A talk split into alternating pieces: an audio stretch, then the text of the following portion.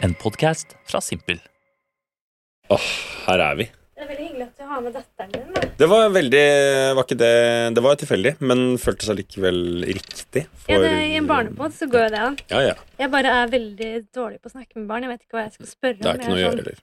Nei, nei. Ja. Du, da er, du kommer aldri til å bli bra på det heller. Hvis ikke du er god på det, Nei. så blir du ikke god på det.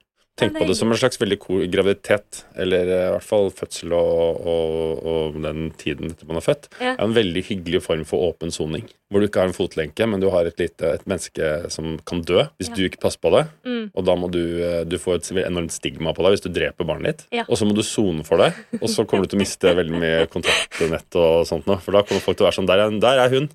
Nora, barnemorderen. Hun som Altså, det er sånn Og alle klarer å ta vare på barna sine, liksom.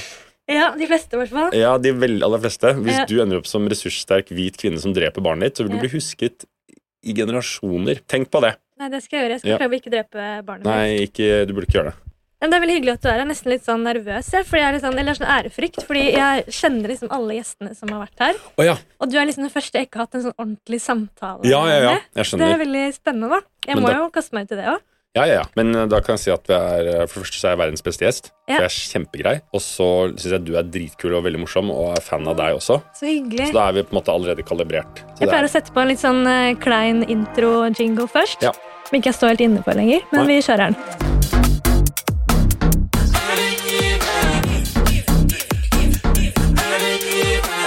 Er det noe liv, Odd Magnus Wilhelmsson? Eh, ja det er- Lever du? Jeg lever. Ja. Eller men jeg måtte kjenne etter. Ja.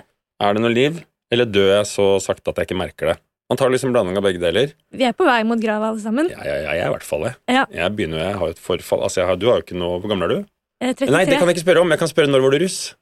Eh, 2009. Å ja, det er 33. ja. Det er lenge siden. men altså, er det Odda du kaller deg, eller Odd Magnus? Ja. Eller hvordan introduserer du Nå kan du si Odda, Odda. siden vi har møtt hverandre. Ja, for det er det de fleste vennene dine kaller deg. Men Ja. hvis han ikke har møtt meg før, så liker jeg at du sier Odd Magnus. Første gangen. Ja. Sånn, hei, Odd Magnus. Og så med en gang du har gjort det, så kan du si Odda. Ja, for når jeg har møtt deg, de to, i hvert fall de to siste gangene, så har det ikke vært Odda eller Odd Magnus. Da har du vært eh, Tina eller Bettina. Ja, det har vært i karakter, da. Har du vært Tina eller Bettina? Tina. Jeg syns jo du kler å være kvinne òg. Takk. Men ikke så mye som Henrik Thodesen. Han er mye penere. Han, får vel, men han er litt penere i utgangspunktet. Litt mer feminin, kanskje? Ja, han har, er å si? han har ikke så mye kjevebein og sånt. Nå. Jeg Nei. blir jo veldig sånn Det blir Great Garlic Girls, liksom, Ja. på meg. Jeg Så syns du, jeg syns du er en vakker kvinne òg, jeg. takk. Jeg føler vel altså, at jeg, jeg blir med en gang vi begynner å snakke om det, så får jeg faktene. Ja, du har da litt den knekken i hånda Mm, da sånn. kommer den automatisk, alle de der. Hva, hva syns forresten den eldste om det? At eh, pappa kler seg ut som Eller bonuspappa kler seg ut som eh, blogger? Hun er ambivalent. Hun, hun har vært eh, fordi Før, da hun var eh, Hun har syntes det har vært gøy ut, Bare gøy. Mm. Helt til hun ble sånn 10-11. Og da begynner det selvfølgelig løsrivningsprosessen med at hun skal bli preteen og tenåring og sånt nå. Ja. Og da skal du jo synes at foreldrene er disgusting. Og da var det Det var, var sånn vondt, fordi da var det Hun syns det er gøy og litt stas, men hun syns også at det er kjipt. Lent noen ting av det. Ja. Fordi vi har vært så mye på TikTok og alt mulig sånt nå. Og Mm. det har egentlig vært hennes arena hvor hun har holdt på, og så plutselig så invaderer vi det og er liksom all over the place der. Så jeg tror hun har sikkert kanskje syns at det har vært litt sånn invaderende og i veien innimellom. Mm. Men også at det er kult og gøy at vi gjør det. Men det var en periode hvor jeg kjørte rundt, vi hadde sånn sponsbiler, så jeg hadde, jeg hadde en rosa bil som det sto Tina på, og Henrik hadde en lilla bil som det sto Bettina på.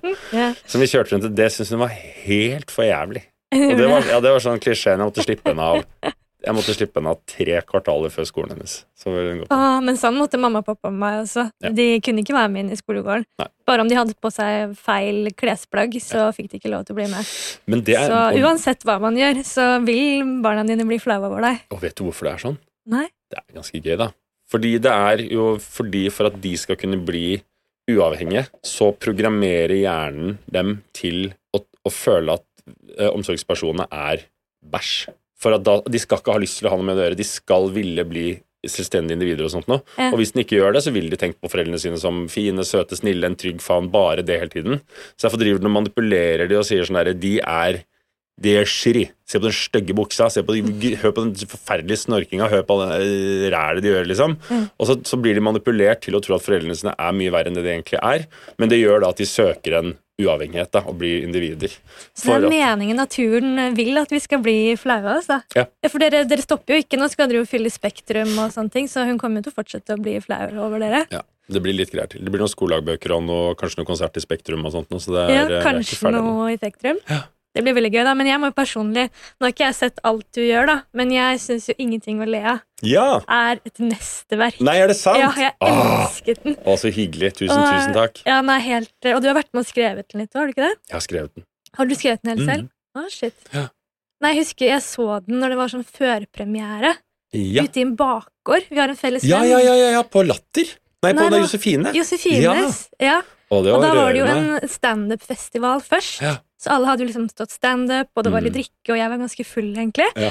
Og så sier de ja, nå skal vi kjøre en film helt på slutten av kvelden, da, Ja. hvor folk er ganske dritdeilige. liksom. Ja. Det, er, det er jo en komedie, men fy faen som jeg grein, liksom. Og det, jeg er ikke sånn som liker å vise følelser foran folk. Mm. Nei. Og det å sitte i en litt sånn lys bakgård og grine, det syns jeg var litt flaut. Ja, men eh, tårekanalen bare åpna seg. Så Ja, den er best i mørket. Ja. Men det har vært veldig Nei, det er veldig, veldig Og den er premiere i, har premiere i Nederland i dag. Nei, har den det? Ja. Oi, så er På en kino i Nederland, så hvis du er for ingenting å le av i. Ikke sant? Men uh, takk, og jeg er veldig veldig stolt av den. Og det har vært veldig fint å få så mye tilbakemeldinger. Egentlig fra veldig mye menn har rørt meg mest. Sånne menn sånne amorøst forstopp... Nei, eh, emosjonelt forstoppede menn. Ja. Som har sendt meldinger bare sånn what the fuck, liksom. Jeg har ikke grått på 25 år. Jeg, jeg var jo, men pappa han måtte bare gå, han. Nei, Fordi han også er ikke noen fan av å drive og grine foran folk. Jeg, bare, jeg måtte gå ut og trekke litt luft og ta meg en øl. Ja. Det, ble, det ble mye, liksom. Ja, ja. Eh, så var det kanskje litt uforventa at det skulle være en sånn type film, for da hadde den ikke begynt å gå på kino, og sånn ennå, så folk visste ikke helt uh, hva det var. Nei. The element of surprise, you know. Det var det. Ja. For å si det sånn. Men og det, veldig ja. sånn nyansert fra Tina Bettina, da, som er litt sånn no offense, men det er ganske sånn fjasete. Og Mm. jeg hadde jo kanskje litt lave forventninger når jeg kom på, på kinoen der, men jeg Mm. lo jo høyt. Altså, det er veldig forskjellige filmer, men Ja. man ler jo høyt av begge to. Ja, så kult. Jeg syns jo det, men sikkert som du, da, at jeg liker å operere på Jeg syns det er kjedelig å bare gjøre ren komikk. og Jeg syns det er kjedelig å bare gjøre liksom drama og skuespill, men jeg liker veldig komboen av de om hverandre. Ja. Og få til um, For så vidt er det sånn som jeg har gjort i de teaterstykkene jeg har satt opp og sånt også. Som er emosjonelle, det er emosjonelle berg-og-dal-baner, liksom. Blir sånn litt pretensiøst, men det er som et DJ-sett, liksom. Ja. Du bygger opp et eller annet sånt og så har du noe eh, Swedish House Mafia som tar alt. Da må du ta det ned igjen for å kunne få den der oppbygningen sånt på nytt. Og det, det liker jeg veldig godt, å kunne komponere historier hvor latter og gråt går veldig om hverandre. Det er, jo, du er, er, du, er du en veldig kompleks person sånn generelt òg, eller er du i kunsten din og det du lager? Veldig, veldig banal og grunn og enkel. Du er enkel fyr fra Nordstrand, Ja, bare? ja. Jeg, jeg, det, det tror jeg. At jeg er ganske sånn Ganske rett fram typisk type til type. Men liker eh, Ja, eller kanskje jeg er mer gjennomsnittlig emosjonelt gjennomsnittlig mann. Jeg er ganske Ja. opptatt av følelser. Du griner mye, eller? Ja. Ja. Men i bare kontrollerte former. Ja, Men er det sånn, da klarer du å sitte og bare få en sånn vakker tåre nedover skinnet? Eller er det sånn som jeg føler når menn først griner, sikkert fordi at de ikke griner så ofte, Mm. så er det sånn! Da er det sånn, da står de liksom Ja, jeg står, jeg Da kommer står. alt. Mm, Jeg Ja. står ofte, og så griner jeg. Min siste sånn ordentlig grineopplevelse var Bohemian Rhapsody. Ja, så du er griner av filmer, da. Ja. Men husker jeg var jo sånn med, med eksen min også sånn Faen, du griner aldri, og du viser aldri noen følelser, og du er så kald og sånn. Mm. Og så begynte han å vise følelser, da, og Og bare, begynte å grine, og jeg var sånn Da Æsj. mista du sexlysten, liksom? Ja. Jeg vil ikke knulle en sånn, der, sånn sippeguri. Ja, ja. Så jeg angrer, angrer, trekker tilbake. Ja, det slår opp. Ja. Du visste følelsen, og slår jeg det er slutt med det. Hæ, men du ba meg om å gjøre det! Ja, men da lær det til neste gang, da. Cool fact a crocodile can't stick out its tongue. Also, you can get health insurance for a month or just under a year in some states. United Healthcare short term insurance plans, underwritten by Golden Rule Insurance Company, offer flexible, budget friendly coverage for you. Learn more at uh1.com.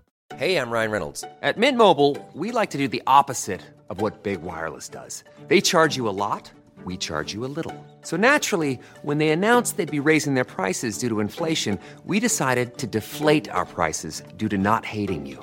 That's right. We're cutting the price of Mint Unlimited from $30 a month to just $15 a month. Give it a try at mintmobile.com slash switch. $45 upfront for three months plus taxes and fees. Promo rate for new customers for limited time. Unlimited more than 40 gigabytes per month. Slows. Full terms at mintmobile.com. Wow. Nice. Yeah. What you're hearing are the sounds of people everywhere putting on Bombas socks, underwear, and t-shirts made from absurdly soft materials that feel like plush clouds. Yeah, that plush. And the best part? For every item you purchase, Bombas donates another to someone facing homelessness. Bombas. Big comfort for everyone. Go to bombas.com slash ACAST and use code ACAST for 20% off your first purchase. That's bombas.com slash ACAST. Code ACAST. Folk sier at etter jeg føder, eller liksom spesielt etter man blir gravid, så, Ja. så har man ikke de Man kommer til å grine uansett, liksom. For da Ja. har du liksom mista det helt. Fordi vet du, nå, nå, nå kan jeg, jeg har tatt meg et eh, element inn i dette her. Ja. Og det er det farlige reft av dette her med å få sitt første barn, og at du skal forklare alt mulig til alle andre. Ja. Som jeg coiner det begrepet. Mamsplaining. Det som skjer når du kommer til å bli født nå, du kommer til å grine så mye, jenta mi. Kommer til å grine hele tida. Nei, det veit du ikke. Det er ikke sikkert jeg kommer til å gråte, gråte en tåre, liksom. Nei, jeg får helt- høre sånn daglig ja, ting som hvordan jeg kommer til å bli og være som menneske etter hvert. Ja. Goddamn mansplainers. Og det er Nå skal jeg komme med en, komme ut med en hard tese. Jeg er klar. Nei, jeg kan ikke gjøre det. Jeg orker ikke. Jo, gjør det, da. Nei, det er det at uh, det er en, viss type mødre som mamsplainer. Mm. Som, som liksom sånn som som bare For de har fått en sånn Ref det tilbake til Fordi du hørte at premiss for dette programmet er hvordan ikke bli døll Ja. når du får barn. Ja. Og det er- handler jo i stor grad om å forstå at det miraklet som de skal oppleve, som er helt fantastisk, er jævlig uinteressant for resten av verden. Og ja, du merker sånn en del mødre som de blir mødre, og så er det sånn de endelig får en identitet. Og de kan ikke liksom unngå å forklare eller være sånn velmenende råd til noen gravide eller noe sånt nå, om alt det som skal skje og alt mulig sånt nå, og bare sånn de, det er som at det bare er sånn derre Åh, nå har de, de har liksom funnet en mor de skal, sånn, skal, de skal være liksom verdensmødre og sånt noe. Ja. Og det er så lamet. Det, det blir jeg ordentlig brydd av hvis jeg sitter og hører sånn av en som kanskje har vært Ok, du har fått ett barn som er fire måneder gammelt, og så er du, tror du at du er Hedvig Montgomery og uh, lege på Ullevål-senteret som skal forklare liksom hun gravide kvinnen om akkurat det som kommer til å skje, og det er sånn og sånn, og da blir, Ja. sånn, da blir jeg sånn Å, fy, det orker jeg ikke. Ja, jeg får sånn daglig. Også veldig mye negativitet, da. Eller sånn kanskje hvor mye de har vært igjennom, ikke sant. Og fødsel og hvor Altså sånn Ja, kanskje hvis, eh, hvis småbarnstiden gikk bra, bare vent til de blir tre-fire, du. Da er det jævlig. Eller Og når de er ferdige med å være tre-fire, da kommer det, og det er helt jævlig. Det er veldig mye negativitet, egentlig. Ja, ja, men det er fordi det er, det er fordi, fordi altså, få ta en realitetssjekk av hva et, de fire første årene er. Ja. Det er et helvete. Jo, Og men det når det, er, når det er jeg som er gravid, og som allerede kanskje det egentlig ikke vil vite om det Nei, jeg Jeg vil ikke vite om at jeg kommer til å gå inn i et helvete, liksom. Nei. Nå blir jo jeg en som snakker om det selv også. Til kanskje du ikke vil vite om det. Så kanskje du bare skal få bare oppleve det, og så finner du ut bare ikke, ikke, ikke drukne barnet ditt. Nei. Det er eneste rådet jeg har. Jeg har jo holdt på, Foreldrene mine holdt jo på å drukne meg. Ja. De slapp meg ut. Jeg tror jeg har fortalt den historien her før, men da, da var jeg i Portugal. Vi hadde leid en sånn villa med et lite basseng. Da Mm. hadde jeg stått opp om morgenen, var tre år gammel, ikke tatt på meg armringer. De lå og sov. Så kom onkelen min ut, drev og smugrøyka, så ned i bassenget. Da lå jeg nederst i kødder! bassenget. Å, fy fader! Aner ikke hvor lenge jeg har ligget der, men Nei. Jeg tror jeg er litt grunn til at jeg er litt sånn redd for vann. Og hvis han ikke hadde røyka da, så hadde du vært uh... Ja, han har fortalt det mange ganger. Hvis ikke jeg hadde røyket, vet du, så hadde du vært dau. Ja. Men uh, du, ikke sant? Det er nok, det er nok råd der uh, ute. Det som, men jeg har, jeg har tatt med et, eh, en hack til dere. En hack. Ja. ja herlig. For, eh, for det dere nå skal gjennom. Men noe annet som er veldig viktig, er jo passe på paret. Altså passe på dere to. Nå høres det ut som Katrine Sagen med en gang sier det. Ja, paret. det men, eh, men, det er, men det er kjempeviktig, fordi dere skal nå oppleve hverandre på det beste og det verste, liksom. Kanskje særlig etter Altså, de første månedene er jo der du så full av endorfin og naturlige drugs at det bare er liksom, det bobler seg bare sånt noe, men i tiden etterpå, liksom fram til det er barnehage og livet begynner å vende tilbake, da, Mm. så er det jo sånn den er, den, er, den er monoton og litt tung, og den løsningen på det er fiks 104 000 kroner. Er det det et barn koster, eller? Nei, det er det det koster for å ha én overnattingsbarnevakt i uka, og én barnevakt sånn fem-seks timer på dagtid. Okay. Det koster, jeg regna på det koster ca. 105 000 kroner. Okay. Som dere kan sette som dette her er parinvesteringspenger for det første året. Mm. Som skal handle om at vi, dere to, skal ha tid til å sove og gjøre andre ting. Eller bare gjøre ingenting sammen også. Dere må være det viktigste også i Ja. de greiene der. Det er et fint råd, det, da. Ja, ja. Så kan man 104 000, men det skal jeg klare å kanskje klare å få tak i det. Må få inn noe spons på podkasten, da, kanskje. Jeg fikk faktisk en melding på Instagram i går med en jente som, eh, som var litt sånn jeg passer på barna til mange kjendiser, skal ikke nevne noen navn. Men jeg tror kanskje du vet hvem mange av de er. eh, Men jeg kan være barnevakt for barnet ditt. Hvis skal du du har møte. lyst. Ja. Hun skal du møte med en gang, og så skal du bare sette en avtale med henne, ordne en deal. Eh. Det er det du skal gjøre. Det, det er akkurat det som skjedde med oss også. Og flaks det var en som sa det. Jeg har passet de og de, si at Ja. dere er. Eh, da tar du et møte med dama, virker at hun ikke er batshit eller har personlighetsforstyrrelse, liksom. Mm. Og så eh, legger dere opp et løp at hun skal hvis dere, Og det er jo kjempedyrt, liksom, det er jo ikke alle som har råd til men hvis dere har råd, Mm. sett opp at det er en fast greie en gang eller halvannen gang i uka. Ja. Det, og det, det jeg og Tinashe gjorde det, for vi har ikke hytte, vi har ikke noen sånn Vi har, vi har ikke noe liksom, så mye sånn utgifter utenom akkurat det vi liksom har. Så vi Mm. Vi var litt sånn strikte på at det er det vi skal liksom prioritere. Ja. Bruke penger på, sånn at vi kan få vært sammen. Eller bare sovet. Eller Mm. bare gjøre ikke noen verdens ting. Eller gjøre kule ting. Og det var jeg veldig veldig glad for. Å vite at ja, men da er det onsdag. I dag så kommer Hun kommer jo i kveld, så da skal vi ut, vi. Jeg tror det er veldig viktig. Altså, jeg har fått litt sånn kritikk av familien min fordi jeg stresser så mye. Den er familien som holdt på å drepe deg da du var tre år, er, det de som, Ja. er de i posisjon til å kritisere deg? Egentlig ikke. Men, men de er sånn som sier at ja, men du stresser så mye med at du vil være minst mulig med barnet ditt. Sånn, hvordan skal jeg klare å gå ut? Hvordan skal jeg klare med karriere? Og fortsatt beholde vennene mine og sånne ting. Og de er sånn, Når du får barn, så vil du være med det barnet 24-7. Nei, det vil du ikke. Så er det sånn, det er ikke ikke det. sikkert jeg vil det, og det er ikke Nei. sånn at jeg ikke vil være med barnet mitt i det hele tatt, men jeg tror det er viktig å ha litt pusterom, liksom. Jeg er i hvert fall veldig innstilt på det, da. Mm. At jeg skal ikke miste meg sjæl helt, og bare ha, sånn som du nevnte litt sted, bare ha rollen som mor. Du har mer enn det. Og det er en eh, sånn uh, som jo nå kommer mer og mer i vårt samfunn fordi vi har likestillingen begynner å bli ganske kalibrert. Mm. Det er muligheten til å kunne uh, Menn er blitt flinkere på hjemmebane. Og da er jo det eneste man skal tenke på, er er du mest mulig lykkelig etter at alt dette her har skjedd. Men jeg kan tenke meg veldig mange damer kjenner på. Eh, enten som er i sånne klatre, privat sektor, klatrebedrifter, hvor de mister plutselig leverage fordi de blir gravide, eller et eller annet sånt noe. Og så går det da på, og det du også som fikk som tilfeldig ble gravid, som Ja. det ikke var planlagt. Og så er du i den mm, største vekstfasen din kanskje egentlig akkurat nå som kunstner. Det er man jo når man er rundt 30, liksom. Ikke sant? Ja. Så hvis du da får et barn nå, og det plutselig går på bekostning av veldig mye ting som du ikke får til, så er det en god oppskrift på bitterhet. Ja, Absolutt. Mm. Og det handler om at du skal ha mest mulig alberom. Fordi altså, du, er, du er nok sammen med det barnet uansett. Det, det, det, det kommer til å bli nok. Og det er, en sånn, ja, det er jo en egoisme, selvfølgelig. Ja. Men hvis man ikke tar den på alvor, så, det, så kan det ende opp med det kan ende opp med at du plutselig står med ambivalente følelser litt sånn rundt det valget. Det, er noe, det er noe folk som ender opp i, liksom, hvor de ser tilbake og er sånn Ikke at de angrer på å få selve det barnet, Nei. men hvis det barnet ødela for en eller annen fantastisk karriere innenfor eh, juss eller et eller annet sånt, you name it, og så ser de at sin mannlige partner tar akkurat det kvantespranget og ble superkirurg, mens de måtte liksom gå på akkord. You know? Mm. Det, er, det blir en, kan bli stein i skoen. Så, det, så svaret på hvordan dere ordner det, er 104 000 kroner. Eh, men sånn generelt, liker du liksom alle barn, eller bare dine egne? Jeg liker mest, nesten bare mine egne. Det skal veldig mye til for at jeg blir eh, begeistret for andres barn. Ja. Det, det finnes jo noen veldig kule barn der ute. Ja. Som er sånn Å, fy fader, det var et kult, et kult barn. De kan jeg bli veldig, veldig betatt av. Og jeg forstår meg ikke på det. Det er jo sånn også, jeg, Du sa sånn Jeg tar med datteren min på fem år, så er jeg sånn Kjempenydelig, vakker, men jeg vet ikke hvordan jeg skal snakke til henne. Nei, nei, nei. jeg vet ikke hvordan jeg skal forholde meg til barn. Jeg husker vi var også en venninnegjeng eh, som eh, satt og prata, og så hadde den ene med seg datteren sin på sånn ja, fire-fem år gammel. da. Mm.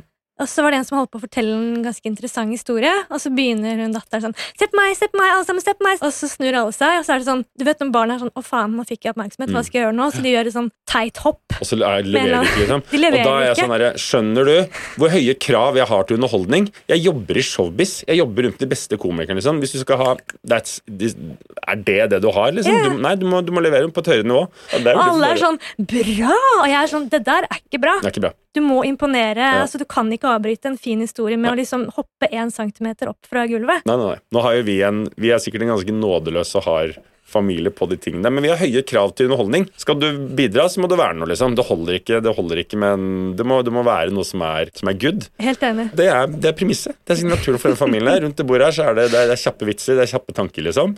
Skal du være med, så må du henge på. Og derfor hadde jeg en sånn Jeg ble så glad. For nå, for et par uker siden, så kom hun yngste og har konstruert sin første vits. Oi. Hun har prøvd på det før, har ikke fått latter. Nei. Det veit hun også, men da kom hun Jeg, jeg, jeg, begynte å grine da hun eh, dro det. For jeg, Er det jeg sånn, ja, for jeg var sånn Der er det på plass. For da sa hun eh, Vet du hva som har to hoder, seks armer og sju bein? Jeg bare nei. Så sa hun regjeringskvartalet 22. juli. Nei, jeg bare tulla. Det var ikke det. Nei. Nei, det hun sa var um, Hun sa Hvilken lyd lager pinnsvinene når de kysser? Jeg bare vet ikke. Au, au, au! Den er fin. Den er fin! Det er en bra, det er en bra vits. Men har hun lest den et sted, eller tror har hun kommet på den selv? Nei, eller? Hun mente selv at jeg blir veldig skuffa hvis hun har be- ja, hvis hun har bøffa den fra noen. Ja. Hvis hun har gjort sånn som Tommy Steine og Thomas Hertzen gjorde på 90-tallet. Bare dro til New York og bøffa materiale. Liksom. Jeg tror ikke hun har bøffa den. Nei. For hun er ganske ærlig om hvis hun har hørt Hvis hun hører en vits, så gjenforteller hun så sier hun har hørt den av et eller annet sånt nå. Den tror jeg hun har, hun har melka den fra egne små ikke utviklede bryster, eh, og da og kom med den, da. Og, og reaksjonen hos meg var så, den var så ektefølt. Jeg, jeg lo og lo og lo og fikk sånn tårer i øynene, og hun skjønte selv at Og da så jeg hun var sånn Der satt den! Ja. Der fikk jeg til den når Hun har greid det, liksom, å få det til. Og det var et sånn det, her- det er så Etter det så har det vært en endring i henne på et vis. Hun har fått en annen sånn mestringsfølelse og En selvtillit. ja, og at du har vært sånn der, nå, nå henger du med på Og det er sikkert sånn som jeg har vokst opp i idrettsfamilie og sånt nå også. Ja. Som er sånn Sorry, det er ikke bra nok med barneskirenn, liksom. Du må ta en backflip hvis du skal øh, overleve her. Og da tok hun den 360 backflipen, og, og da satt den vitsen, liksom. Så det var kjempe... Fantastisk. Ja. Er det viktig at hun går litt i fars fotspor, eller er ikke det så nøye? Hva da bli komiker? For eksempel? Ja, veldig. Oh, ja. Ja, ja, ja. Og bli, øh, ja, det syns jeg absolutt hun skal, øh, hvis hun vil gjøre det. Hvis hun gjør noe som er som jeg har gjort, eller hvis hun blir forelska i den veien her. Mm. Det blir jeg veldig Og det kan jeg si sånn For jeg har jo hun eldstedatteren vår har jo også gjort en del ting på Hun, sånn, hun har gjort en del produksjoner på NRK. Ja. Liksom en julekalender som eh, først, og så nå det som heter Campingplassen, som går nå. Ja, Og det må sjekke ut. som Nei, du trenger ikke det. Nei. Eh, men eh, det som jeg blir så glad for med henne, er at hun er blitt forelsket i bransjen her ut fra de samme tingene som jeg er forelska i, som handler om å komme på et sett, Mm. møte en hel en, en cast av mennesker, møte masse forskjellige fagfunksjoner, elske det å bli kjent med de folka. Ja. Og knytte sterke bånd til regissører, fotografer og medskuespillere og sånt og så få sånn, sånn utvida venneflokk som du liksom ha, Og den prosessen med å bare være på settet, være liksom sånn der, den magien det er, da. Ja. Det er det hun har blitt eh, betatt av. Jeg fikk jo litt sånn omvendt først, fordi begge mine foreldre er, var selvstendig næringsdrivende. Mamma var danser, og pappa var komiker. Mm. Så hvis folk spurte liksom, hva vil du bli når du blir stor, bare sånn, bare alt utenom selvstendig næringsdrivende. Jeg vil jobbe i Telenor, Mm. på et kontor, Mm. og drive med noe kjedelig kontorarbeid. Ja. Men så ble det selvfølgelig Man blir jo som Mm. foreldrene sine sakte, men sikkert. da Jeg merker at liksom pappa han er veldig stolt nå, da for at Mm. jeg liksom har gått i hans Ja, eh, fotspor. Det kan jeg tenke meg, det er sånn, jeg kan jo se det, kan jo nå som far til døtre også sånn se, og jeg kan se hans oppfatning og den følelsen det må være, både på godt og vondt, hvor sikkert jævlig hardt, for han har jo sett, sikkert sett mye av de, dine famlende første skritt og sånt nå på scenen, Yep. og fått se Han turte ikke å komme og se meg etter et år, tror jeg. Nei, smart. Ja. Det tror jeg jeg også hadde hatt en sånn Men det er sikkert litt som en tjeneste også. Ja. At han vet sånn Du kommer til å være ræva et år, så når du har skrudd til de tingene og fått det liksom stramt, så tror jeg du kommer til å sette pris på at jeg faktisk kanskje ga deg litt tid til å At jeg ikke var han klappende faren, fordi Ja, du kommer til å, å dumme deg ut, og kanskje du skal få lov til å liksom oppleve den følelsen der, og finne støtten og finne liksom trøsten og sånt, uten at du har en omsorgsperson til stede. liksom. Ja, jeg ble litt sånn fornærma i starten, for det er sånn Hallo, nå gjør jeg det samme som deg, ikke det er kult? Men jeg skjønner det mer nå, i hvert fall sånn når du sier det òg. Kanskje at det har vært en tanke for kan, Det kan jeg tenke meg at det har vært sånn Som handler kanskje litt om han, men mest om deg også. Ja. Sånn, du, du skal få lov til å Mm. Men jeg også, når pappa står på scenen, så sitter jeg og holder pusten hele tiden. Jeg vil ikke at han skal drite seg ut, og jeg vil at han skal gjøre det bra. og sånn da. bedre den følelsen der. Ja, Å, herregud. Den er vond. Det er nesten verre å se på de som er nære. enn- Kunne du gjort noe sammen med han? Du, Vi skal sette opp et show, jeg og pappa. Er det sant? Og Jonny Christiansen Nei. og datteren hans. Nei! For å forklare Jonny Christiansen, det er en sånn der eh, veteran, en sånn eh, gudfar i standup-miljøet. Som har liksom stått, Du kjenner sikkert han godt. Han Ja. står bak veldig mange komikere og har eh, Ja, og det er en skam at han ikke har fått kongens fortjenestemedalje. Det er Ja. mitt mål i livet. Det er sånn, Jonny Kristiansen må få fortjenestemedaljen. Snakk om å liksom bare løfte opp andre hele veien, hele veien, hele veien. liksom. mm, Han tvang jo meg på scenen. Han dro meg på scenen. liksom. Jeg sa jeg vil ikke stå. Ja. Du skal stå på torsdag i morgen. Nei, Du kommer klokka ni, liksom. er? Og jeg er veldig glad for det nå. Ja. Han hjalp jo Sigrid også. Hun vil jo heller ikke stå. Han bare sånn Ja, men du står på plakaten. Jeg har satt opp. liksom. Du skal stå. Det er helt, det er helt rått. Det er kjempegøy. Ja. Og spesielt på damer, da, som er dessverre litt mer redde og må nok dras litt mer opp. Og så har du gutta som han prøver å dra ned. Du skal ikke, ja, ja, men det er, Han er veldig god på det. Han er Ja. en veldig Ja, fy søren for en ja, Kunne lagd en egen timesepisode bare snakket om Jonny ja. Kristiansen. Jeg var, eh, var veldig rørende å være i Var det 70-årslag hans som var nå? 70-årsbursdagen hans? Hvor hun jenta sang den uh, 'Livets lyse side' til Finn Kalvik. Ah, Og nå, og nå for, å ta, for å pense oss, for å forsøke å samle trådene som handler Ja. om gråt, eh, gråting, tårer og fødsel og alt sammen i ett, og uh, Finn Kalvik. Ja. For nå en, en historie fra mitt liv som far. Ja. Min far har alltid hørt på Finn Kalvik, og jeg har i alle år syntes at det har vært helt nerd. Jeg synes det er så banalt. Mm. Og så har han vært veldig sånn Ja, men jeg tror kanskje det handler om at du ikke er helt moden for det. Jeg bare, er du, Tuller du? Jeg hører på eh, progrock fra 70-tallet og avansert jazz, liksom. Jeg tror jeg er moden for musikk. Han bare ja, ok, greit, men han har vært sånn Bare vent, det, liksom. og, så, og særlig den derre sangen eh, 'Aldri i livet', da. Ja. Som jeg da har tenkt sånn For en dårlig kjærlighetsvise. Aldri i livet har jeg tenkt å reise ifra deg. Som Det er sånn ganske enkelt, da. det er Kjempeenkelt. Og så får vi da så får vi hun datter uh, nummer to, og jeg var ikke med på svangers, eller sånn, eh, fødselen eller det første året til hun eldste. Jeg kom Nei. liksom inn da hun var ett år. Da nummer to var egentlig sånn, det var da jeg liksom var på fødsel og hele pakketet der. Og så sitter vi på, sitter vi på Ullevål sykehus eller et eller annet sånt nå, utpå kvelden her. Eh, Hun er født, og vi er der og sånt nå. Og så kommer plutselig Aldri i livet på radioen, og så eksploderer det oppi hodet mitt. For da skjønner jeg jo at den sangen er jo ikke en kjærlighetshistorie mellom fra en mann til en dame. Det er fra en far til en datter. Og da jeg litt få hele teksten en helt annet resonnement. Og jeg bare hylgråter. Er det sant? Jeg øglegråter. Jeg orker ikke begynne å grine da. Men ikke sant? Da, da går plutselig teksten, alt sammen, går jo opp i en sånn Ja, men selvfølgelig, liksom. Det er verdens vakreste begynner han å grine her. far til um, Jeg ble bare litt tørr i halsen der. Da er den um, og, da, og jeg sitter og gråter og gråter, og så var det sånn Fattern hadde rett, liksom. Ja. Bare vent. Men det var, føltes også veldig uverdig å skulle sitte og gråte til uh, Aldri livet. Gråte Finn Kalvik. Men da var jeg sånn, Ja. ok. Men det går an, det òg. Hvis du disser Finn Kalvik, så er du ikke, du er ikke moden nok. Liksom. Finn Nei. Kalvik er det bas. Det er han som er det bas. Det er fantastisk. Say hello to a new era of mental health care. Cerebral is here to help you achieve your mental wellness goals with professional therapy and medication management support. 100% online. You'll experience the all new Cerebral Way, an innovative approach to mental wellness designed around you. You'll get a personalized treatment plan from a therapist, prescriber, or both in a safe and judgment free space. Your Cerebral therapist or prescriber will outline a customized plan with clear milestones along the way so you can get to feeling your best. With Cerebral, you're not alone in your mental health journey. We're here to empower you to live a fulfilling life. So take that first step towards a brighter future and sign up today at cerebral.com slash podcast and use code ACAST to get 15% off your first month. Offer only valid on monthly plans. Other exclusions may apply. Offer ends July 31st, 2024. See site for details. Want flexibility? Take yoga. Want flexibility with your health insurance? Check out United Healthcare Insurance Plans. Underwritten by Golden Rule Insurance Company, they offer flexible, budget friendly medical, dental, and vision coverage that may be right for you. More at uh1.com. Since 2013, Bombas has donated over 100 million socks, underwear, and t shirts to those facing homelessness. If we counted those on air, this ad would last over 1,157 days. But if we counted the time it takes to make a donation possible, it would take just a few clicks. Because every time you make a purchase, Bombas donates an item to someone who needs it. Go to bombas.com slash ACAST and use code ACAST for 20% off your first purchase. That's bombas.com slash ACAST, code ACAST. Jeg tenkte, vi, vi, Du nevnte jo at du kom eh, inn i livet til datteren din når hun var ett år gammel. Mm. Så det var liksom første, første erfaring med å bo med noen.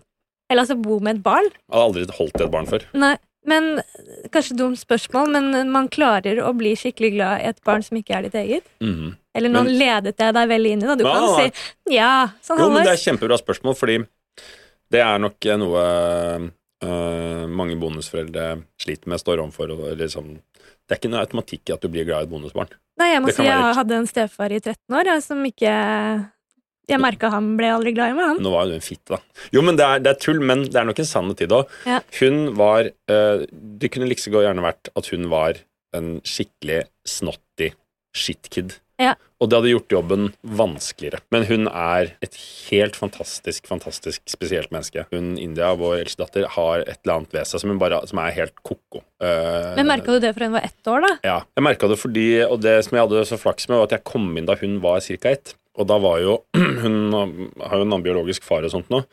Men da fikk jeg lov til å være med å forme sjelen og personligheten hennes. Ja. Komikken, humoren, timingen, alle de tingene der. Så selv om jeg ikke liksom gjenkjenner mine egne fysiske trekk i henne, Mm. så kjenner jeg igjen slangen, jeg kjenner igjen resonnementene.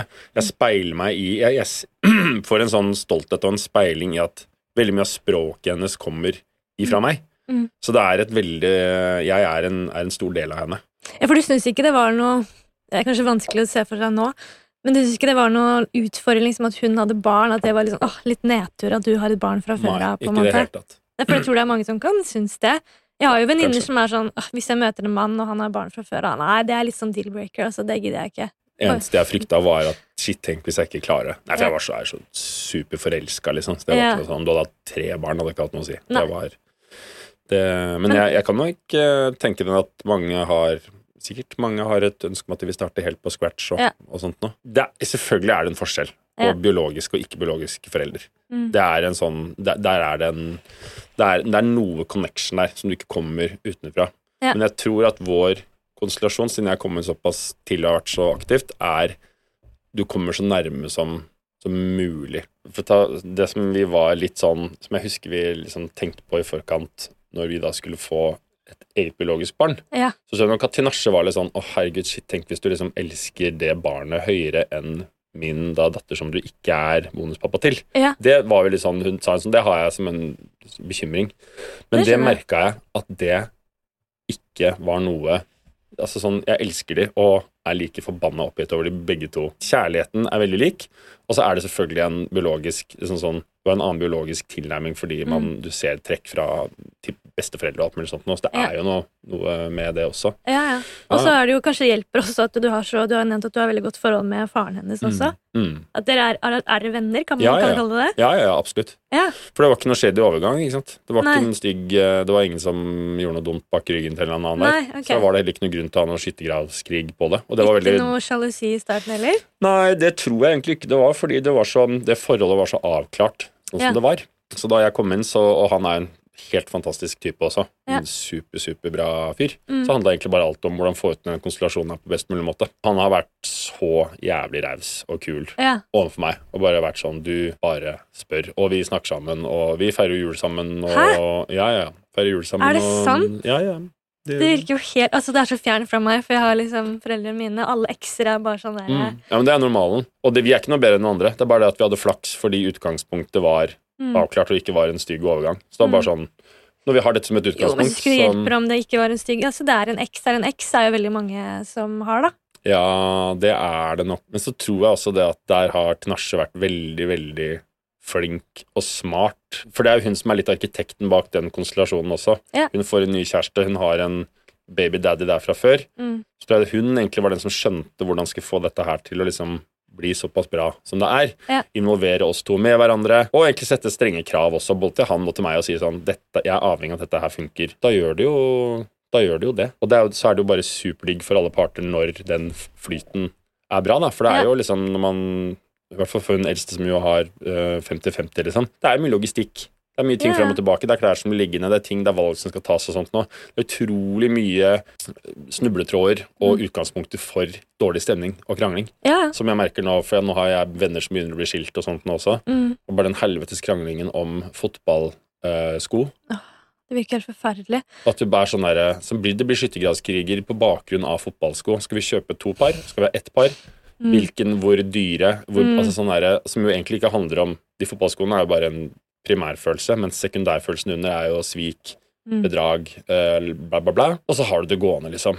Og så, har man, og så må man forholde seg til hverandre resten av livet, og så må man bare ha sånn sutre-faens-riv. Jeg synes det var slitsomt. Jeg hadde også 50-50 og merka liksom at mamma og pappa hata hverandre. Det er jo ikke så gøy for barna heller. Mm. Men dere er jo en veldig sånn fin, tydeligvis en stor gjeng. Da er det sånn Kunne du hatt fire barn selv, eller merker Nei. du at det holder? Nei, nei, jeg steriliserte meg for, eh, gud, når er det? Halvannet uh, eller et år siden. Eller noe sånt. Og jeg gjorde det. Ja, ja, ja, absolutt. Du, da var du ferdig. Zing. Ja. Å, ja, ja. Jeg er uh, Det holder i så massevis. Ja. Og, um, og skjønner ikke hvorfor ikke bare alle steriliserer seg. Nei. Både kvinner og menn. Bare steriliser det. Ja, men jeg skal Nei, bare sterilisere. Nei, men det er veldig Og det handler jo om Så greit for Tinashe å slippe alle disse hormonene og dritet. Det er en solidarisk handling også. Ja, ja. Og i hvert fall når du vet sånn at uh, syns det er veldig snilt ja, på en måte å sterilisere seg. Det, Det er snilt ovenfor uh, Det er gemt sånn rent prevensjonsmessig for henne. mm, Og så er det utrolig smart. Fordi hvis plutselig da Jeg har jo hatt venner også som har vært sånn Nå er vi helt ferdige. Og så plutselig står man i den, det dilemmaet igjen, og så er det ikke så lett Nei. som man tenker, ass. Når du plutselig er sånn Oi, jeg er sju uker på vei, jeg. ja, og når du først har fått barn, så tror jeg det er ganske vanskeligere å angre seg etterpå enn når du Ja. ikke har noe erfaring med barn. Da er det litt sånn Jeg vet ikke hva jeg går glipp av, jeg, så like så gjerne bare fjerne det. Steriliser deg. Og hvis du vil sterilisere deg, så kan du bruke rabattkode eh, Odd Magnus på Volvat. Da får du 15 på Hører du det, min samboer? Ja. Det blir den ene. Du, jeg må bare skyte inn. I dag er det to måneder til jeg skal eh, presse ut et levende menneske på størrelse med en vannmelon. Nei, men det er størrelse med vannmelon, fordi du vet jo du vet, hvordan fontanellen funker og sånt, ikke sant? Fontanellen? Hva er det for noe? La meg mamsplene litt. Ja, Nå er babyen din, akkurat nå, babyhodet er fire plater, som gjør at for at det skal kunne komme ut av, ehm, av fødehølet ditt, så det, det kan ikke være sammenvokst, det kan ikke være melon, for da vil det jo bare revne alt. Så derfor er det fire plater, og når Er det ikke derfor folk revner opp, da? Nei, men det er fordi det er dårlig tid å være på ABC-klinikken og skal være selvstendige kvinner som skal ut og ha event på kvelden, sånn som Sigrid Bonde Tusvik. Ja. Hodet er i fire plater, og så presses det sammen sånn at det kan være helt sånn sammen, som en sånn conehead. Mm. Og så kommer du ut, og så må du ikke trykke inn i det myke hodet på babyen de første året. Ja, den der self-destruction-knappen på bakhuet. Det har jeg hørt rykter om. Og så vokser det sammen etter hvert, da. Men fontanellen må man ha respekt for. Jeg tenkte, jeg, jeg leste jo at eh, Å føde er kjempelett. Ja, jeg hører du sier det. Det er fint. Jeg, jeg, men jeg leste jo også Du har egentlig ikke vært med på en sånn fødsel-fødsel, holdt jeg på å si, en vaginal fødsel, Nei, men, nei, nei. Men Tinashe tok keisersnitt. Var det planlagt, eller ikke? Det var planlagt keisersnitt. ja. Men jeg, det var det første jeg spurte legen min om når jeg Ja. fikk vite at jeg var gravid. Ja. Så sa jeg jeg vil ha keisersnitt. Fordi jeg, jeg har ikke lyst Jeg trenger ikke den opplevelsen. Jeg, jeg har ikke noe sånn at Å, jeg har så lyst til å føde, for det er så fantastisk. Jeg vil ha keisersnitt. Mm. Det var ikke snakk om. Vi alle er skapt på denne jorda for å føde og sånne ting. Og jeg har hatt helt ville mensesmerter, for jeg har noe som heter endometriose. Mest Ja. sannsynlig. Derfor ikke jeg kunne få barn, egentlig, i gåstein. Og det har gjort at jeg har liksom hatt så vonde smerter at jeg har tenkt sånn Mer enn det her, det går ikke. Så jeg har tenkt sånn, jeg vil, jeg vil ikke oppleve de smertene. jeg. Det går helt fint uten. Men var det liksom en kamp å få til å få lov til å ta keisersnitt? Mm. Det er det. Og det som hadde vært så greit, var hvis Det kan de selvfølgelig ikke si. Men hvis legestanden heller hadde sagt sånn Jeg skjønner at du vil ta keisersnitt, Mm. men på et sykehus har vi noe som heter budsjett. Og det å ha en vanlig fødsel, det koster 1250 kroner. Hvis du skal ha keisersnitt, hvor du skal ha inn fire leger, kirurger, anestesisykepleiere, så koster det 175 000. Nå bare tar jeg tallet ut av løse luften, da. Ja, men det er liksom men sånn sikkert. En fødsel koster veldig lite. Et Mm. keisersnitt koster er kjempedyrt. Så derfor, så er, de, uh, derfor er det noen kriterier for at du skal kunne få ta keisersnitt, som Mm. handler om uh, traumer eller smalt bekken eller en del andre ting. Mm. Som det må, er et kriterium som må på plass for at du får innvilget det. Da er det en de, de sjekker, liksom. Og de er superstrenge på det. Ja. Og, det, og Tinashe hadde Det er, var vel liksom begrunnet Jeg tror det er sånn smalt bekken med fare for uh, noen ting. Som, som de inn da og så på, og så var det sånn jo, jo, ja ja, det er helt ikke noe okay. det, Dette her er med da viten om at det kommer til å bli en, En en, en veldig heavy fødsel med fare Men er det for noe de sjekker, da? Har de sjekka det på meg, liksom? Ja, jeg, jeg, jeg, jeg veit ikke helt hva du, hva du gjør, jeg. Men det er Man tar jo sånn bare noen blodprøver og en ultralyd, og så fint, lykke til. Ja, så jeg vet ikke om de har sjekka om jeg har trangt bekken. Nei, det finner du ut av der og da. Men uh, også worst case kan at de må ta et hastekeisersnitt, da. Hvis ikke du Ja, men da er det mye bedre å vite at du skal Jeg ble tatt med keisersnitt, og mamma visste at den datoen, da Mm. kommer jeg, Ja, det er veldig digg. og kan forholde seg til det. Ja, ja. Istedenfor uh, mange bekjente av meg som da prøver å presse i 20 timer, da. Mm. Og så sier de nei, det blir keisersnitt, som tar tre minutter. Ja, ja. Så er det sånn Kunne dere ikke gjort det her litt før? Nei, Så- det kunne vi ikke, fordi eh, vi sparer mest penger på at kvinner føder på Lider. vondest mulig måte. Ja, ja, ja. Det er mye penger, det er mye penger i kvinnelidelse. Men, men fikk du lov til å være med da når det er en sånn kirurgisk fødsel? Eller hva det heter? Mm. Eller når det er en keisersnitt, får du lov til å stå der og se på? Ja, ja. Men du, stå, du får ikke se selve den Du får ikke se at de Jeg ville gjerne vært til stede foran. Jeg syns sånt Ja, ja. er spennende, liksom. Men ja. jeg fikk ikke være foran skjermbrettet. Det sa du nei til. Altså Men- å se på at man skjærer, liksom? Mm. Du fikk da ikke se på den, nei? Nei, det får jeg ikke. Hva er grunnen til det? Nei, jeg tror det bare er at de vil ha arbeidsro. Redd for at du skal svime av og sånn? Nei, jeg tror mer at de kirurgene vil ha arbeidsro. Ja. At det er ikke noe Vi er på jobb her, liksom. Ja. Ikke, det er Ikke en sånn gæren det er far som er- bare sånn 'Hei, gjør du riktig nå? Er du sikker på at du skal gjøre det så dypt?' Og Ja, bare sånn, men sprute blod og Det er jo en, det er jo en, kjempe, det er jo et, det er en komplisert operasjon. Du skal ja. skjære gjennom mange lag med, med også det som er mest, Men det som jeg syns var det mest fascinerende med, med keisersnitt, Mm. er jo mitt, mitt inntrykk av det var jo at du åpner opp en mage, og så tar du ut en baby. Ja. Men det de gjør, er jo at de lager en magina. Skjønner du? Okay. Ok? Hullet til uh, hullet de tar, er ikke så stort. Det er ikke noe Nei. større enn tissen. Å, oh, ja. fødehølet, for at babyhodet skal få følelsen, og lungene til babyen skal få følelsen av hvordan det er å bli født vanlig. For da er det noe som setter i gang noe sånn derre Babyen skal ut i en sånn Gjennom noe ja, trangt, noe liksom. trangt. Mm. De lager det hullet bitte, bitte lite, og så bare suger de det der trynet ut, liksom. Er det sant? For da får de klemt lungene, og de får i gang det derre og de greiene der. Så det var veldig fascinerende. Men jeg fikk eh, Nei, jeg sto bak skjermbrettet med henne og passa på henne, og sånt, og så fikk jeg det barnet Fikk jeg Sigge i armene med en gang. Og det tok ti minutter, liksom? Ja. Det som jeg merka av litt uh, Dessverre så er det jo sånn Hvis du er ressurssterk, så, og du, så er det lettere å få keisersnitt. Hvis du leser opp, hvis du skjønner det, hvis du liksom vet litt hvordan du skal gå fram. Og vi var to stykker, og vi var ganske voksne nå sist gang. Mm. Vi, og da hadde hun gjort det før også, så vi kunne, vi kunne litt det systemet der. Ja, hun har gjort det to liksom- ganger, ja. Mhm. Ja. Da kunne vi sitte og liksom argument Men det vi møtte den samme motstanden. Ja, ja, du må gjennom råd på råd på råd. Mm. Og så må du gjennom Så må du til Mordor, hvor du må møte masse orker som du må kjempe deg gjennom, og komme deg opp i Saurons tårn, og så er det liksom en sånn enorm Og så noe mammapoliti på vei nå, eller? Det var det helt sikkert. Too, too posh to push. Altså, folk har jo noe å si på alt. Du kan prøve å amme, og så får du ikke til det, og så er du en dårlig mor fordi du ikke klarte å amme. Da. Så folk har alltid noe sånn Ja, ja. Hva er det du, men hva gruer Men er du hva, hva, hva er det som holder deg våken om natten? Hva er du bekymra for? Da? alt. Hva er det siste de Jeg vet liksom- egentlig Jeg, jeg ligger jo våken hver natt. Jeg tror ikke jeg har sovet en hel natt på hvert fall en måned. Nei. Og det er jo fordi at man, tankene går gjerne på natta. Og tankene handler om Hvis du kan brekke den og dele opp Mm. fryktsporene, liksom, er det selve fødselen? Er det det fysiske med smerten rundt der? Ja. Er det Kommer jeg til å klare dette her? Klarer jeg Mm. liksom til å bli en fin mamma? Kommer det, er barnet trygt? Er barnet sunt? Eller går alle går alt i hverandre? Eller er det noen ting som staker seg ut som en sånn derre Dette her syns jeg er eh, Eller handler det om at du er redd for at du får ødelagt livet ditt fordi karrieren din går i stykker også? Ja, det er en mye det er Først nå så er det mest fødsel. Mm. Smerten generelt. Eh, og så er det liksom sånn at en person liksom bare skal bo hjemme hos meg og samboeren min. Vi har det jo så fint nå, vi er så forelsket, og, Mm. og at liksom bare skal komme en sånn person i veien. Tenk om han bare ødelegger og hele den dynamikken og det det en fine gutt? En gutt, ja. Ja, ja. ja det, kan, hende- det kan det hende at han gjør. Ja, den fine dynamikken man har, da. At Mm. eh, man liksom Jeg er ikke så glad i forandringer generelt i livet. Jeg er Mm. livredd for endringer. Så det er nok hovedsakelig det at eh, alle sier sånn Nå kommer livet ditt til å bli helt annerledes, og kommer aldri til å bli sånn som før.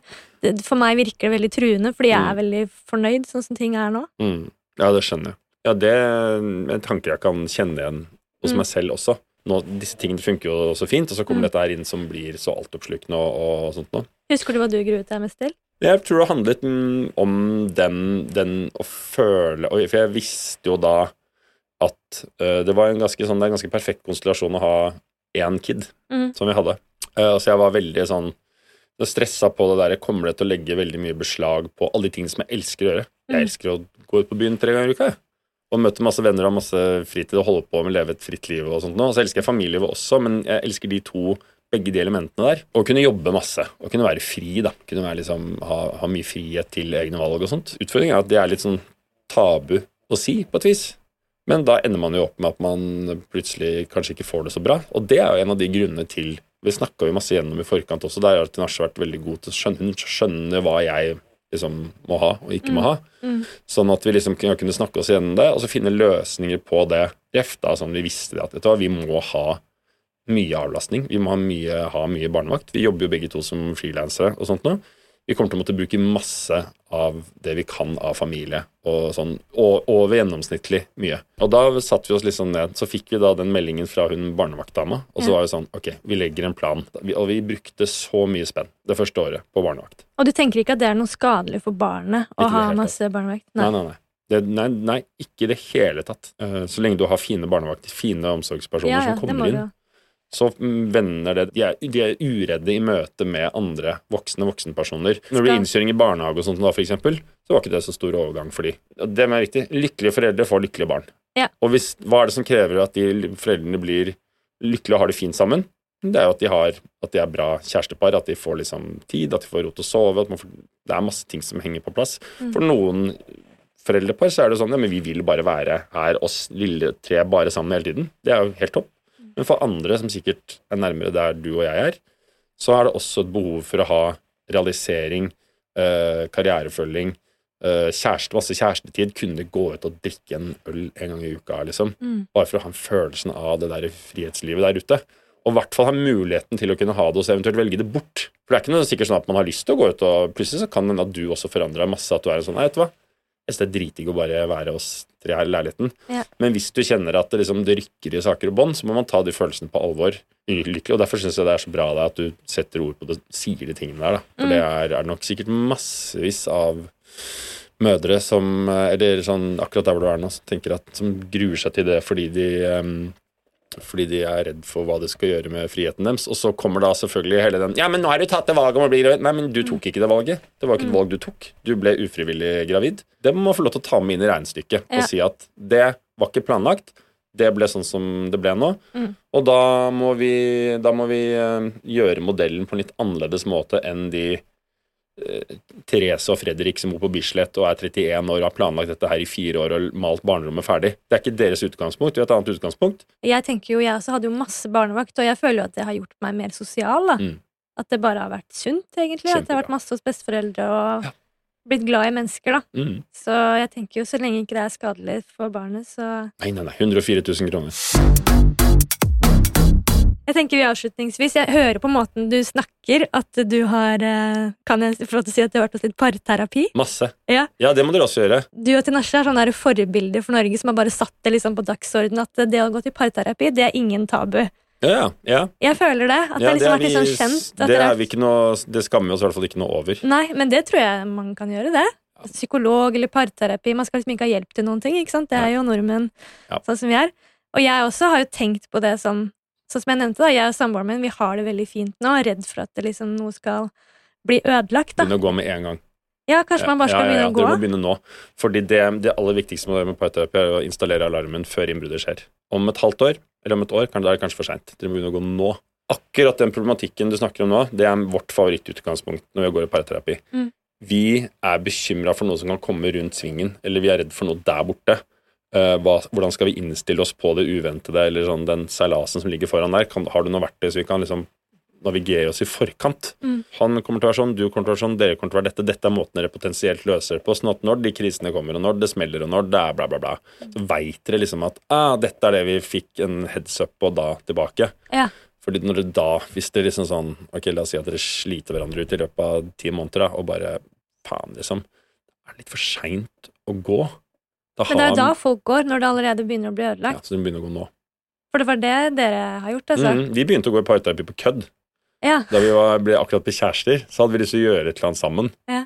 Sånn, begynne å danse tango eller et eller annet sånt. Vi hadde lyst på noe sånn felles greier. Så Så ble det ikke tango, men det ble parterapi. ja, og så var det som bare var sånn der ha-ha, kødden greie, liksom. Mm. Og så gjorde vi det, og så var det så utrolig fett. Ja. Det var så fint og bra. Det er jo i kraft av Arman dårlig til å forstå følelser, snakke om det, sette ord på det og sånt noe. Mm. Så for meg var det en revolusjonerende opplevelse å kunne komme inn i et rom og merke at sånn Oi, jeg blir tatt på alvor, og jeg utvikler meg. og jeg finner liksom et språk og et verktøy og blir hjulpet av et annet menneske som hjelper meg å sette ord på en del av følelser. Mm. Og som er min allierte også. Men jeg liker aller best med parterapi at det er samme tilnærming som en regnskapsfører. At du kan ta masse krøllekvitteringer, putte i en pose, gå et eller annet sted. Her, du fikser dette. Sånn at vi slipper å forsøke å, å floke opp i ting på hjemmebane som vi uansett ikke kommer til å kunne løse. Ja, Det høres jo veldig bra ut, og jeg tenker det må jo være verdt penga da, selv om det er ganske dyrt å dra til Dyrt! Så det har jo når allerede nå skal ha 104 000 på barnevakt, og så skal du begynne å bruke parterapi, som jo koster et sted mellom 1500 og 2000 kroner i timen. Det blir blakke, liksom. Da skal du ha stikkordene på plass, liksom. Da Ja. skal det Men det er greia også, som er sånn Uh, Mange menn vegrer seg ekstremt for å gå i parterapi, liksom. De blir yeah. dratt inn i parterapirommet av konene sine. Men menn er ganske flinke når de først kommer i gang. Ja. For, nettopp fordi det koster penger. Og vi er, sånn, vi er litt sånn valutaorienterte. Ja. Altså Hvis det koster 1500 kroner Altså Jeg vet ikke om jeg har noen farskomplekser, men jeg skal faen meg finne noen om hun spør etter det. Da, er, da gir man på, liksom. Da skal jeg ha bang for the bucks. Da skal være, liksom, da skal, jeg skal gråte. Jeg skal ligge på gulvet her, liksom. Så det er eh, Så det må dere bare, bare kjøre på med. Hvis Men- dere er Går du til det ennå, eller? Ja, ja. Dere gjør det? Mm. Vi gjør det sånn, Nå er vi jo ganske lav, nå har vi ikke så høy frekvens på det. Nei. Det er perioder hvis vi har en eh, tøff tid, eller ting er vanskelig, eller vi skal et eller annet nå, Men nå er vi på en måte liksom Vi har vært sammen i 12-13 år. Vi har Men du aldri sier aldri. Nei. Men vi jeg tror vi har liksom vært gjennom de verste skjærene i sjøen og Mm. sånt nå. Mm. Eh, bank, bank, bank. Ja. Men det er fint at dere har snakket så åpent om det, sånn at eh, folk som meg, som på en måte hadde sittet veldig langt inne og gjør noe sånn, Ja. bare tenker sånn Å ja, men hvis dere gjør det, Ja. som er Norges kuleste par, da kan jo jeg eh, Det var også hyggelig gjøre det. sagt. Det var veldig hyggelig sagt. Ja, men dere er jo det. Og Norges mest sexy mann. Ja, fy fader, 2011. Jeg kan suge litt på den karamellen ennå. Det er tolv- år siden. men Er det 2011? Det 2008 er 2012, kanskje. Det er gøy! Går du ofte og tenker på det, eller? Faen, jeg er Norges mest sexy mann, da. Nei, jeg tenker ikke på det. I starten gjorde du vel det. Da var det sånn, skal jeg betale for den maten her? Jeg er Norges mest sexy mann. Dere skal betale meg. Jeg ble veldig bæret over det. Ja, de ble det. Helt til Gudny Nei, hva heter hun? Signy sa at det var egentlig Petter Northug, men han nekta å stille opp i bar overkropp. Så du er egentlig nummer to. Nei, nei, nei, nei, nei det er ikke lov. Litt stas, det. Jeg vil heller være det enn å ikke være det. Men da hadde du full shoot. Jeg må finne de bildene et eller annet sted. Åh, de er hot, ass. Er de Men det det? var litt før Det var litt før eh, det, er, det er jo da Hadde du babyolje som smørte deg inn i det og sånn? Eller hvordan bilde var det? Ja, det tror jeg. Jeg tror jeg hadde noe sånn, noe sånn spray Ja, for å få litt skinn i sjappa. for skinn og tern og sånn? Men det var jo en del sånn var, Jeg tror ikke de bildene liksom fins. For det var jo sånn Det var fortsatt magasintiden. Ja. Ikke sant? 2011. Det var, i en, det var en, et Ja, ja. annet internett, da. Og Søren, at ikke de bildene bare er rundt på nettet hele tida. Altså. Men du blir Men- ikke mer sexy av å bli foreldre, tror jeg. Jeg syns det blir mer po- poster under Begge øynene. trynet ditt. Ja. Fedrene blir feite. ja, de får sånn dadbod. Ja, grå hår på sida. Du blir pløsete. Jeg mister jo halve håret mitt når jeg ammer, sier de. Alt blir, alt blir jævlig, liksom. Du råtner, og Du Stian. Blipp sa du mister all humoren Ja, og du blir bare, alt, blir, eh, alt blir for jævlig. Men det er en unntakstilstand. Tenk på det at du er hvis du, Tenk sånn her. Fra fødsel til barnehage så er det ca. ett år. Hvor du kan egentlig bare holde deg hjemme. Du må tenke på det som, som 14 måneder med en veldig hyggelig åpen soning. Ja. Ok? Og når du i de periodene Det kommer til å være fortvilte øyeblikk underveis etter hvert. Når de fortvilte øyeblikkene kommer, både for deg og kjæresten din, liksom, så må dere bare se på den sluttstreken som ligger foran dere, som heter barnehage. Barnehage, barnehage, barnehage. Idet barnehagen begynner, Det er det begynner der, så kommer plutselig livet tilbake med en sånn Hæ?! Å ja, det var, sånn, det var sånn det var. Komplisert metafor, men du kjenner metaforen om frosken i, i vannet, ikke sant? Den blir så sakte kokt. Hvis du skrur opp én grad i minuttet, så Ja. vil ikke frosken hoppe ut, for den blir så sakte kokt at den til slutt blir kokt. Å få barn og sånt nå, en lykkeprosess som er den reverserte frosken i badevannet. I starten er det veldig mye pes, og sakte, sakte, sakte, men sikkert så blir det litt og litt mindre pes, uten at du helt merker det, fordi det, tar, det er så langt strekke. Det er liksom tre-fire år med sånn Å, det er liksom Så skal man bli ferdig med bleier, og man skal bli ferdig med ditten og sånt. Og så plutselig en dag så er det sånn Ja, men herregud. Sånn som i, i dag, da. i- For eksempel nå. Så er det sånn Ok, nå skal jeg kjøre Hun skal kjøre opp til mormoren hennes, så skal jeg på øya med til Nasje, liksom. Skal vi ut der, og så i morgen så skal vi til en bursdag, liksom. Og så er det Oi, så det er en middag på lørdag også. Så det var sånn Ja, dette var jo egentlig livet akkurat sånn som det var før. Nei, så deilig Det å høre. det kommer tilbake. Åh, ja, nei, det var, det var veldig fin, fin avsluttende tale. Helt til slutt også. Ja. Du er ikke mor før du har tenkt om barnet ditt Din jævla lille fittetryne. Nå holder du faen meg forpult i kjeften din. Eller gir finger bak de når det er i den starten der. Ja. Det var, og det synes jeg var sånn, det skulle jeg ønske hun hadde gitt en heads up på på helsestasjonen Mm. Og si sånn, hvis dere sitter på natta, og det er barnet ikke får sove, og dere sitter og banner og sier de aller styggeste ting som dere, at dere, at dere, og, og sånn noe, det er helt vanlig. Jo, for det er ingen som sier det det. er ingen som sier det, fordi alle, alle driver putter inn i bomull og sånt. Liksom. Og så sitter man plutselig der på natta og biter i den senga og, Mm. og tenker sin styggeste voldsfantasier. Jævla dritt. Ja, og du, du, du, blir, du, blir, du blir en drapsmaskin ikke sant? hvis du Ja. ikke har sovet på to døgn. Og sånt. da. Og så får du så dårlig samvittighet over det og tenker jeg er verdens verste mor eller Ingen far. andre tenker sånn. Ingen tenker sånn. Men alle har jo eh, altså sånn Ta fra nok nattsøvn og, og få på noe skriking, liksom. Så får du stygge, mørke tanker hos de aller, aller fleste. Det er derfor jeg har den podkasten her, sånn folk som deg kan tørre å si det høyt. Bra. Så det er helt nydelig. Tusen hjertelig takk. Takk for at du kunne være gjest. Takk for at jeg fikk komme. At du stilte opp med barn og hele pakka. Ærlig. Skål.